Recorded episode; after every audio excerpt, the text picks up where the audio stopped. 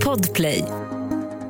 Live från Studio 1, du lyssnar på The Daily Messiah, ditt nyhetsflöde med mig, Messiah Hallberg. Klara Doktorow. John Melander Lambrell. Igår sa jag att han hade försvunnit då, mannen som står utanför ryska ambassaden i Stockholm och eh, hade en, han hade en skylt och där stod ju tuta mot Ryssland och folk eh, tutade då och det här gav ju då, antar jag då, ryssarna inne på ambassaden en tuff match. Men nu var han borta. Eh, men då märkte jag eh, igår då snarare att det kommit en annan typ av människor på våra gator. Nu är de tillbaka.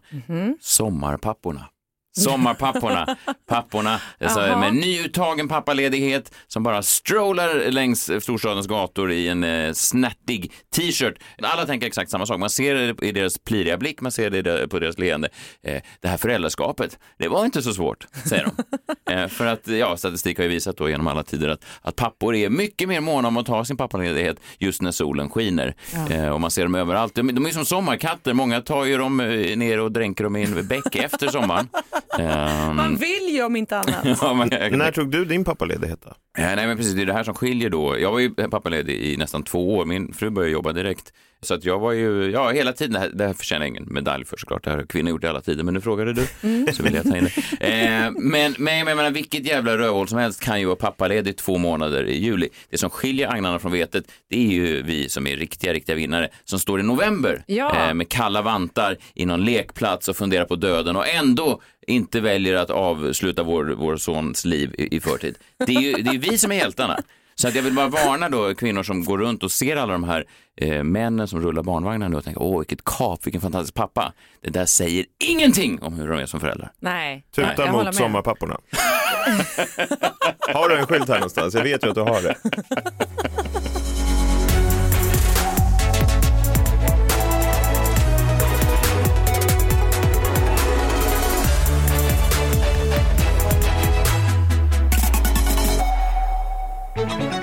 Onsdag, det är bara en vecka kvar till midsommar, det är fantastiskt. Jag såg mig själv här i spegeln, vi har en hiss här på kontoret när jag såg mig i spegeln precis innan jag kom hit jag såg otroligt, otroligt konkret ut. Konkret, ja. Tydlig. ja. Ja. Mm. Tydlig, Då ska man passa sig ändå lite. sakenlig. Okej. Ja, verkligen. Men jag tänkte bara på tal om det där med föräldraskapet nu, för jag, jag blev lite nyfiken då, för att jag läste att Brian Spears, alltså Britney Spears brorsa, han eh, var ju inte på Britneys bröllop, han var den enda i familjen som var bjuden.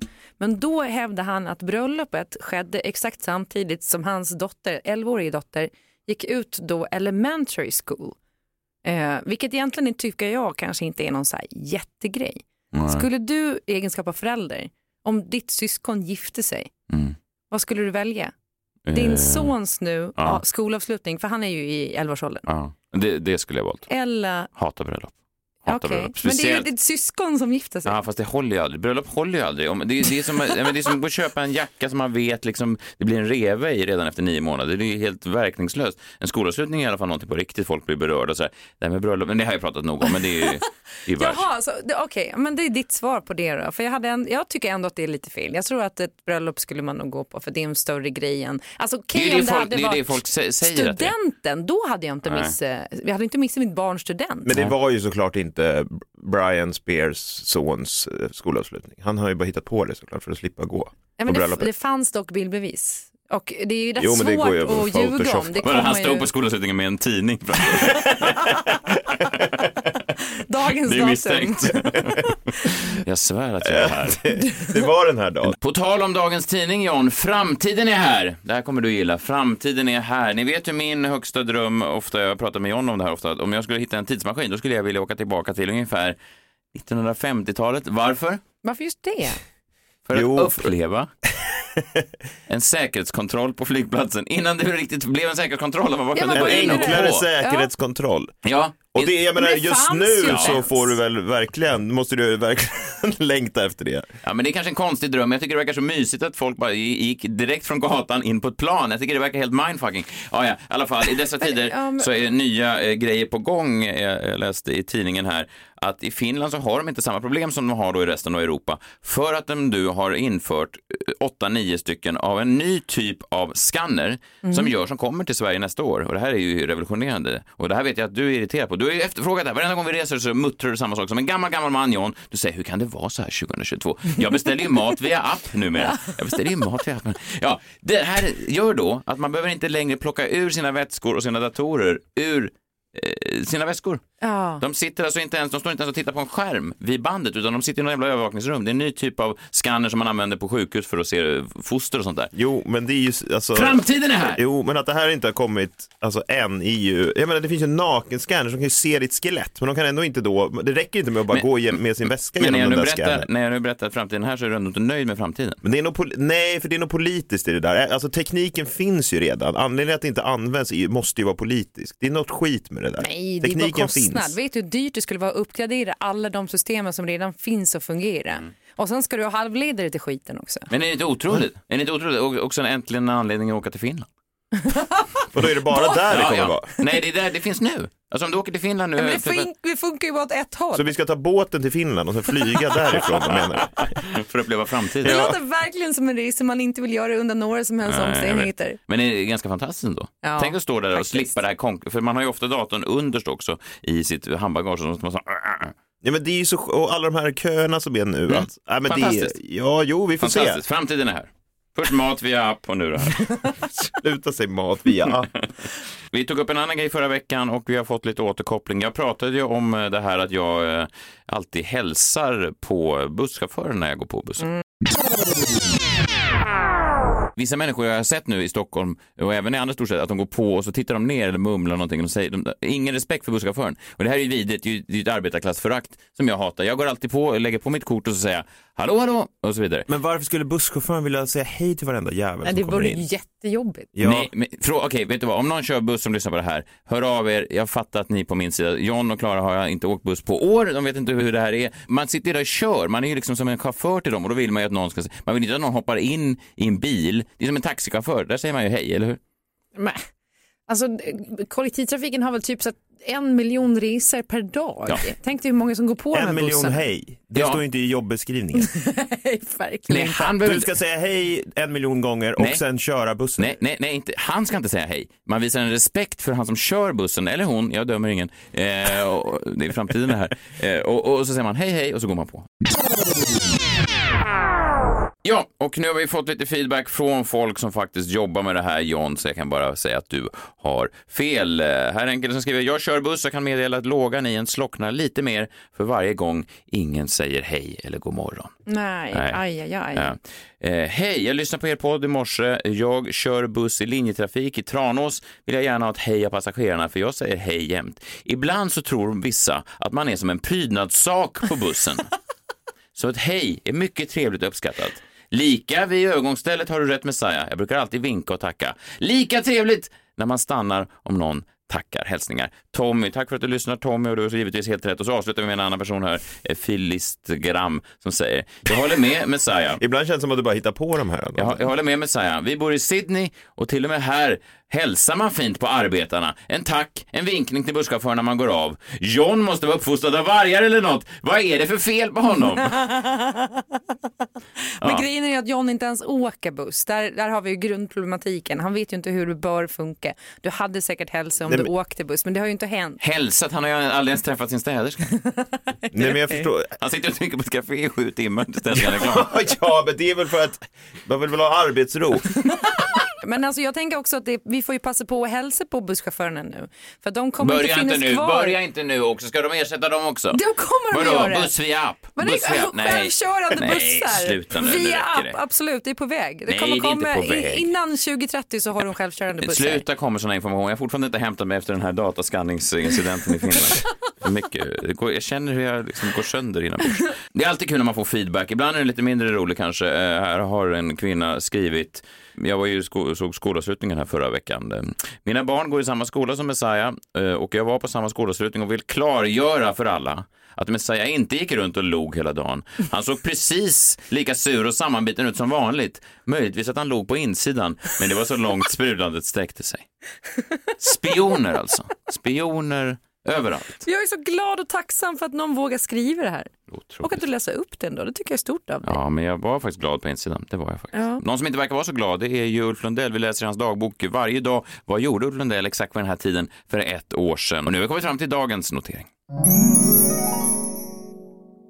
15 juni. Jag tror inte riktigt jag pallar med Lale. Påstås vara en modern Cornelis. Verkligen! Det är fan så heligt och fint och skönt. Men hon fyller nog Ullevi. Med folk.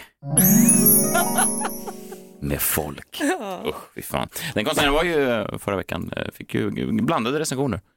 Och då var ju just folk där. Folk Men var det var- ja. Usch. Mm, ja, jag vet. Det, det var det. Det var det.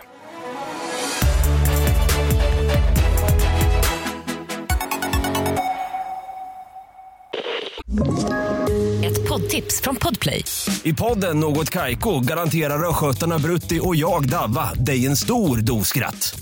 Där följer jag pladask för köttätandet igen. Man är lite som en jävla vampyr. Man har fått lite blodsmak och då måste man ha mer. Udda spaningar, fängslande anekdoter och en och annan arg rant. Jag måste ha mitt kaffe på morgonen för annars är jag ingen trevlig människa. Då är du ingen trevlig människa, punkt. Något Kaiko, hör du på Podplay. Därför är gardinerna.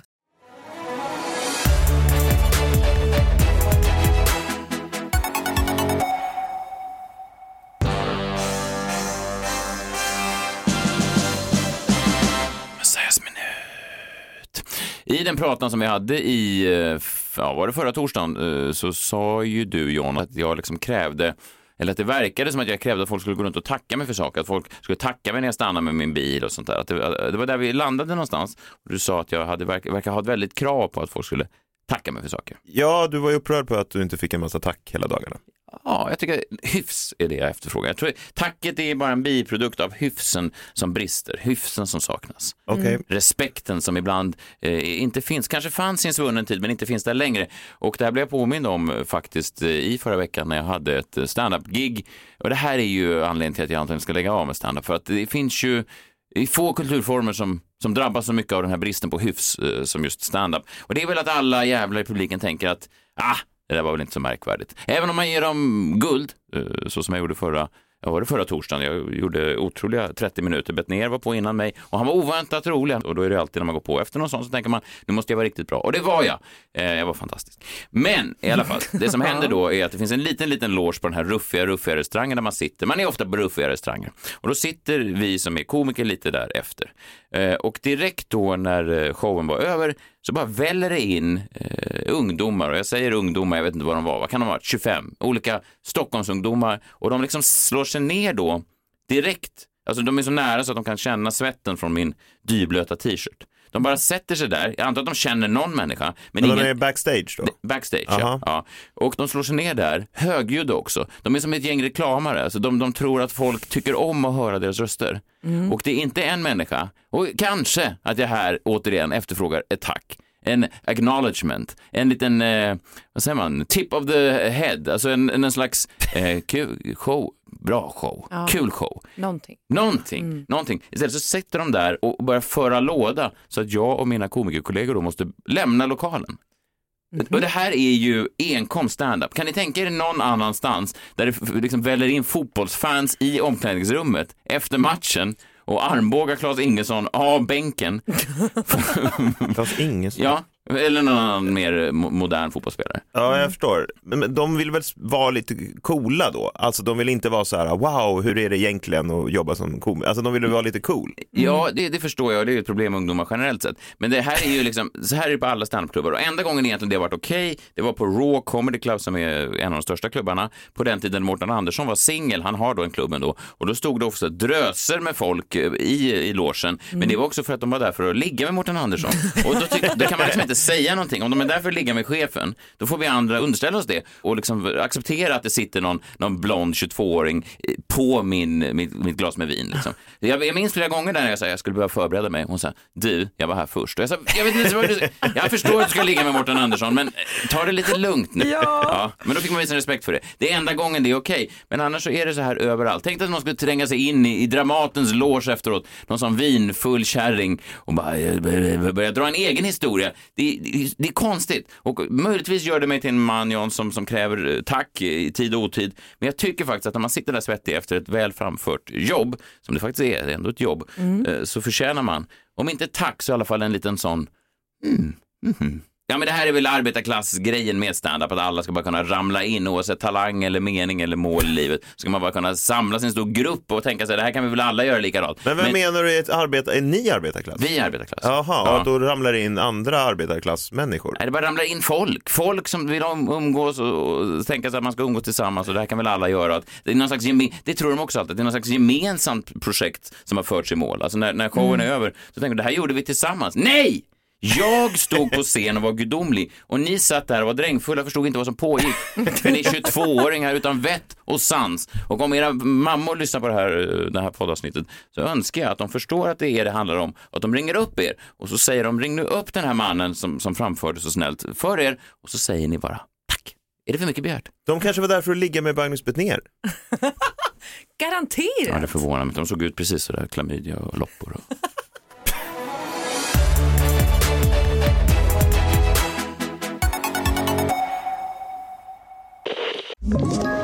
Ett poddtips från Podplay. I fallen jag aldrig glömmer djupdyker Hasse Aro i arbetet bakom några av Sveriges mest uppseendeväckande brottsutredningar. Går vi in med hemlig telefonavlyssning och, och då upplever vi att vi får en total förändring av hans beteende. Vad är det som händer nu? Vem är det som läcker? Och så säger han att jag är kriminell, jag har varit kriminell i hela mitt liv men att mörda ett barn, där går min gräns. Nya säsongen av Fallen jag aldrig glömmer på Podplay.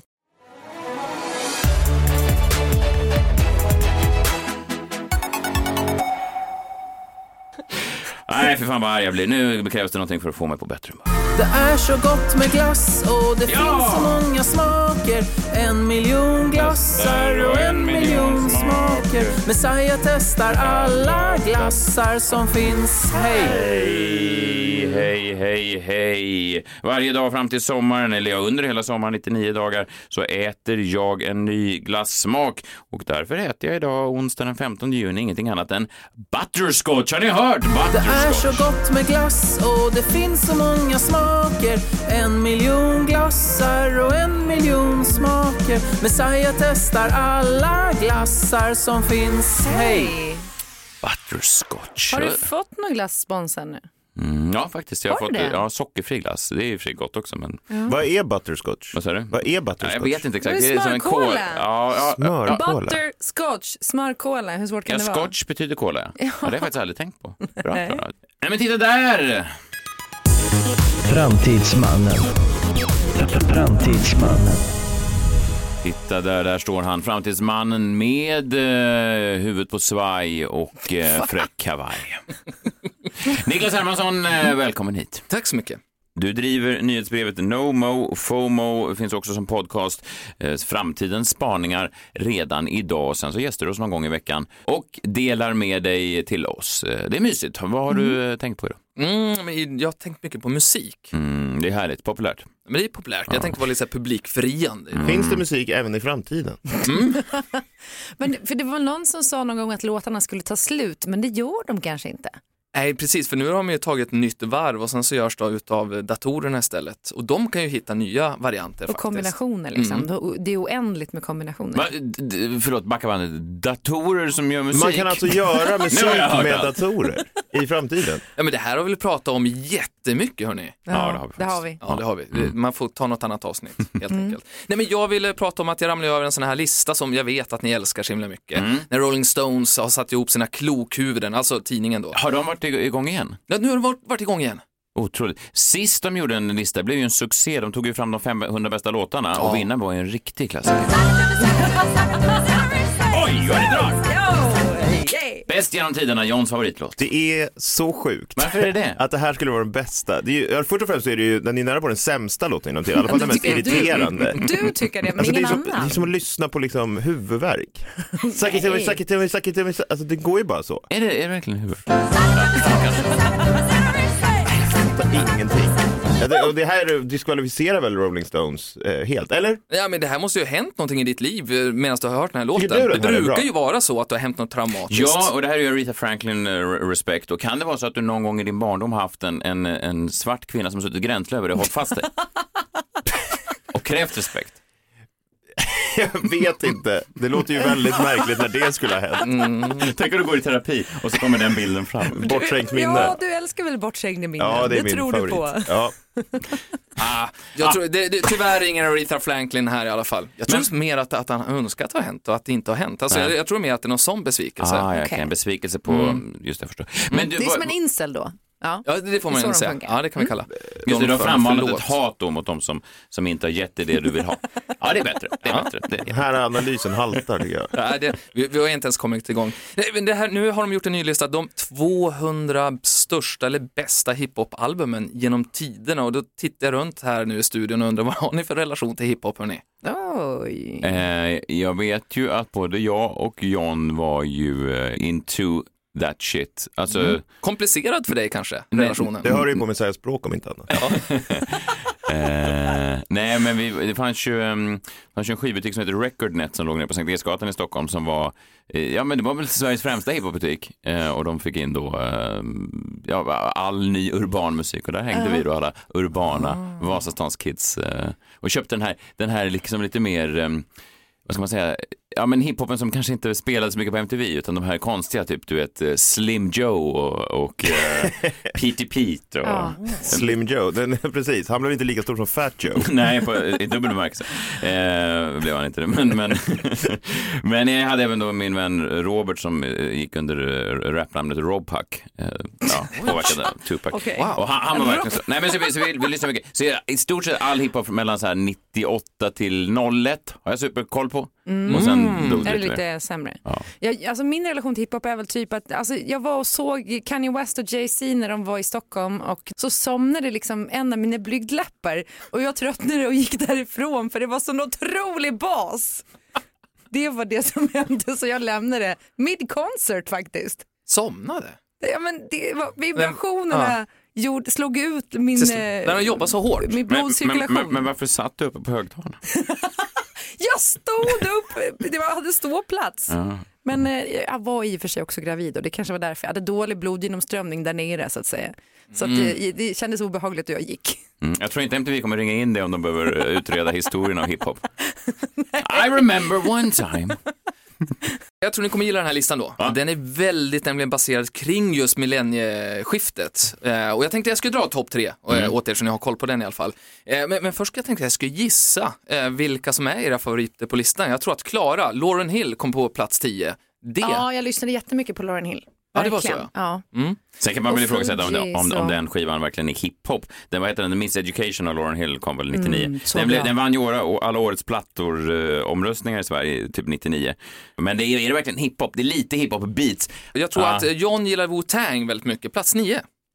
Ja, alltså band, alltså album. Ja. Mm. Jag måste bara säga nu innan vi går vidare med album. Jag, jag har noll relation till musikalbum. Alltså, jag skulle inte kunna säga noll. För mig handlar det om Jag fattar. låtar. Jag fattar ingenting av så här. Ja, Va- Vilka låtar var med på det Lauryn Hill-albumet? Do Wop kommer jag ihåg. Då på första singeln. Ja, då, det säger mig mer, men de här albumtitlarna, det säger mig ingenting. Nej, Nej, jag fattar. inte. Men jag tänker mig att Ja. du var en sån som gillar Wu-Tang väldigt mycket. Jag var Nej, i och för sig på en Wu-Tang-konsert i Stockholm. I radio ska du spela med. Ja, Exakt. Ja, men jag var på en. Wu-Tang-konsert i Stockholm, men jag gick mitt i konserten för jag tyckte att alla ryckte så mycket braj. Var Så jag fick svårt andas, som jag har aldrig kunnat ta ett halsbloss och då blev det bara hostigt liksom. Jag har aldrig varit med om ett större mån av braj. Nej. Så att jag lämnade den också. Det säger någonting om ens fanbase om alla är så jävla pårökta hela tiden när de går på konserterna. Att det kanske inte är, det, det lämnar ju ganska öppen yta för hur bra musiken skulle kunna vara. Ja. Alltså, det var fantastiskt sa de säkert. Visst. Så är det. Så är det. Men då bor du ju i rätt land i alla fall. Här kommer det inte så många moln som i andra länder. Eh, ett tag till i alla fall. Eh, eh, Messiah, din, eh, din favorit Kanye West på plats sex. Vilket år då? Eh, det är ju då My Beautiful Dark Twisted Fantasy. Ja, den är bra. 2010. Spelade den i bilen på väg till min pappas begravning minns jag. Ja, eh, bra. Även om hans första skiva kanske är, nej det är hans mästerverk. Men Sen har han, sen har han bara släppt massa skit efter det tyvärr, Kanye. Nej, exakt så är det. Vi, vi, Ja. vi, vi kommer faktiskt till det. Men nu kommer topp tre. Är ni redo? T- t- Topp tre av de bästa hiphop-skivorna genom alla tider. Genom alla tiderna så kan man ju lyssna på ikväll, ifall man tycker kul. Mm, mm, mm.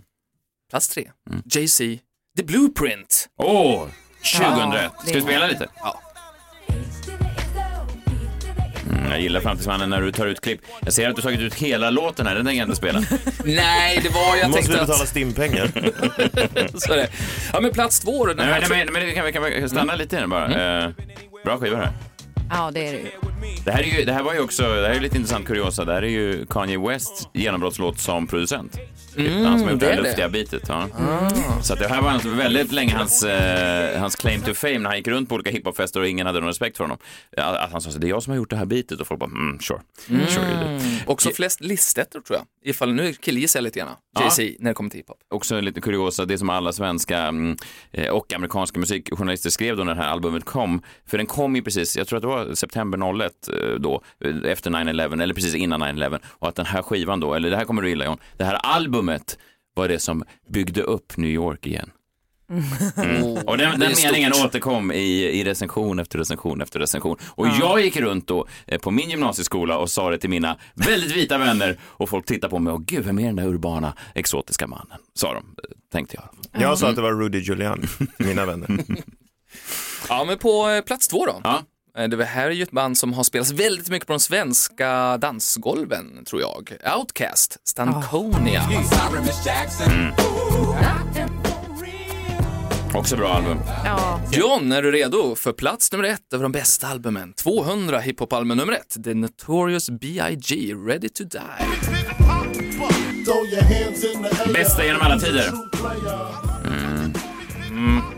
Jag, får, man, får man kritisera, jag är lite inne på, på, på Johns spår här när det gäller uh, Respect-låten. Eh, jag tycker Notorious B.I.G. är kanske tidernas mest överskattade hiphopartist. Och hade han inte blivit skjuten där 1997 så hade han nog inte varit etta på den här listan. Nej, det är konstigt. Tupac blev ju också skjuten. Vad är hans album? Nej, fast, fast Är inte Tupac- de ännu... Är Han är snarare, väl bättre? det är snarare ja, Tupac är ju egentligen bättre, men det, Tupacs eh, har ju liksom fallit i graden. Han var egentligen mer populär när han var i liv, medan Biggies lägger sig bara höjts och höjts och höjts.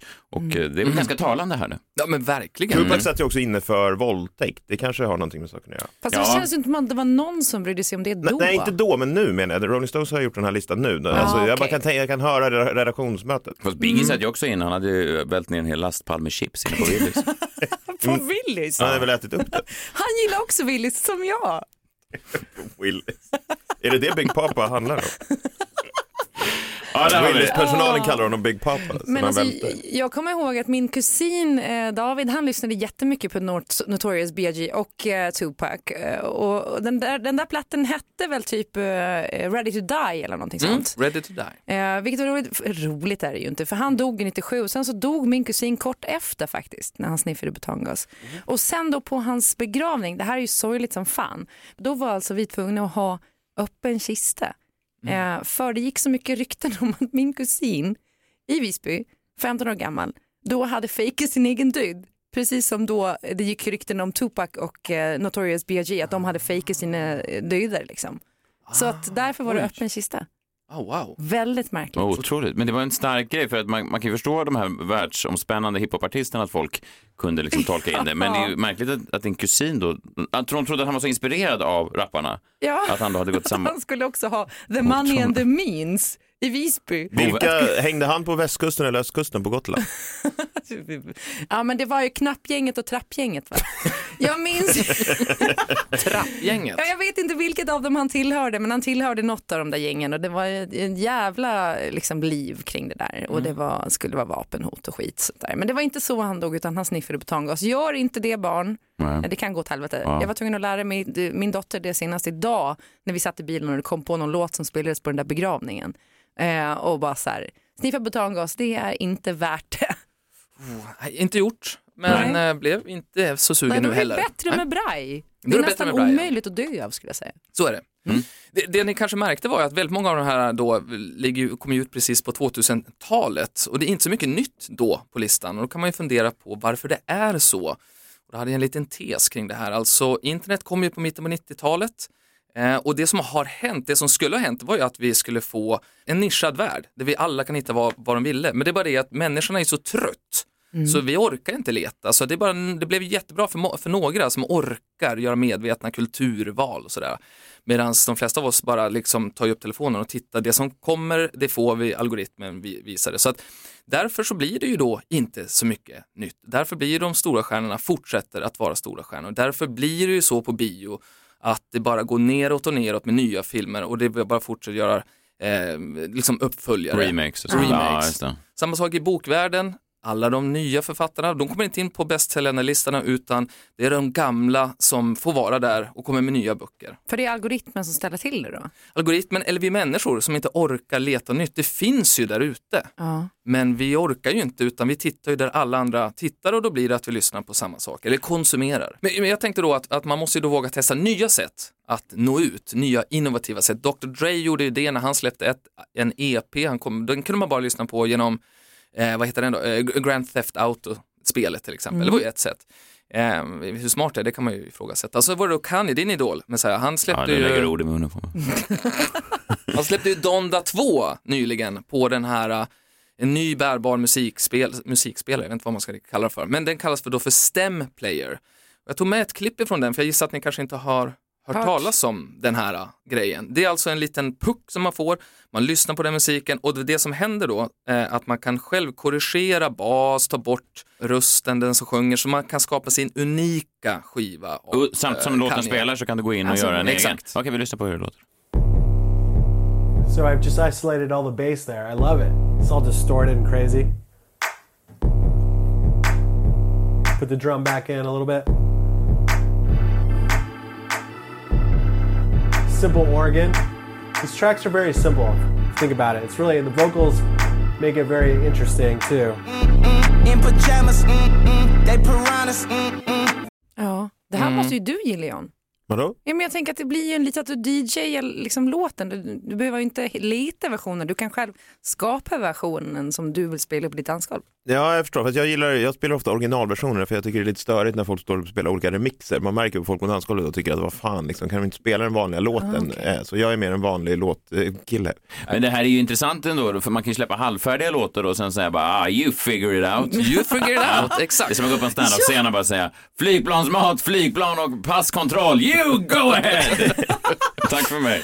Men gud, jag tänkte på det för jag var på restaurang eh, i helgen och så beställde jag en huvudrätt som var steambuns och så kommer de in och så ska man lägga ihop dem själv. Och då blev jag lite Åh, irriterad. Ja, För man bara, så, jag betalar ju för att någon ska göra det här åt mig så att det blir en perfekt balans. Jag tänkte att innan jag lämnar er då så tänkte jag berätta hur det nu ska gå när Beyoncé äntligen ska ju släppa sitt första album på sex år. Ja. Har ni koll på det? Nej, det är helt inte. otroligt, Nej. jättestor grej det här. Hon släppte ju då 2013, hon är ju kingen av att släppa eh, skivor, alltså just lanseringsgrejen är hon otrolig Ja. på. 2013 släppte hon skiva helt plötsligt utan att sä- säga till, det här gjorde man inte på den tiden. Nej. Det blev ju superbra. Och sen släppte hon ju Lemonade 2016 på Tidal, det är ju en jättedålig idé. Men nu så då ska det släppas nytt, B7 väntas den heta, hon har hållit på i ett och ett halvt år. För någon dag sedan så tog hon bort alla sina profilbilder på, i sociala medier. Nu är det helt tomt på dem. Så det som kommer hända nu då, nu gissar framtidsmannen vad som, liksom, vad som kommer att hända här framåt. Eh, det första är då att hon kommer att släppa singeln och då kommer då en ny eh, profilbild att komma. Och sen så kommer det dröja en månad och då kommer då eh, albumet som släpps på alla streamingplattformar den här gången för att nu måste man finnas på Spotify, det behövde man inte på den tiden. Hon kommer också släppa en dokumentär ehm, eller med alla musikvideor som hon släpps på Netflix gissar jag på. Ehm, hon kommer ju också då eh, att äntligen använda TikTok, det har hon inte gjort förut. Hon skapade ett konto i våras, frågan är vad hon kommer med här. Det vet jag inte riktigt. Men Jag det tror någon slags dans. Ja, eller så, så dans. lägger hon ut och albumet, musik. eller alla musikvideos på TikTok bara. Ja, bara så liksom, så enkelt. Ja, Ja. Som klipp liksom. Och sen så kommer hon sätta nytt biljettrekord. Senast hon hade sån här, eh, vad heter turné, så drog var ju snittet 3000 spänn på en biljett. Nu kommer hon uppa det och sätta nytt rekord, 4000 tror jag. Oj. Men det här är ju bara en liten grej av vad hon tjänar. Det stora är vad hon tjänar på de riktiga fansen. Men det kan vi ta en annan gång. Det här är för den stora massan, hur hon kommer att lansera sitt album. Så nu vet ni det redan innan. Mm, Det är en sån grej jag kan komma med. verkligen. Eh, Musiktema idag. Verkligen. Det var kul tyckte jag. Eh, vi är tillbaka nästa vecka, då är det strax midsommar. Jag vet inte om ni firar sånt i, i framtiden, men du har i alla fall lovat att komma förbi innan dess. Det ska jag göra. Kul med musik, det brukar man alltid säga. Lite musik om dagen gör magen glad. Eller hur John? Så har ingen sagt. Nej, Men, men jag det är sa det nu. bra. Jag sa det nu. Ja. Alltså, Vi hörs imorgon. Då är, det, Respekt. då är det en, en ny dag, ett nytt TDM. Eh, Tack för att ni är med oss. Hej, hej. Hej! Hej!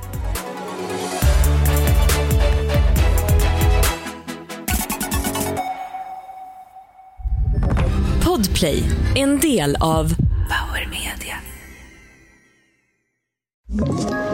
Ett poddtips från Podplay.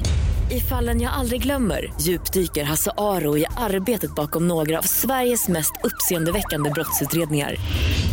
Går vi in med hemlig telefonavlyssning och, och då upplever vi att vi får en total förändring av hans beteende. Vad är det som händer nu? Vem är det som läcker? Och så säger han att jag är kriminell, jag har varit kriminell i hela mitt liv men att mörda ett barn, där går min gräns. Nya säsongen av Fallen jag aldrig glömmer på Podplay.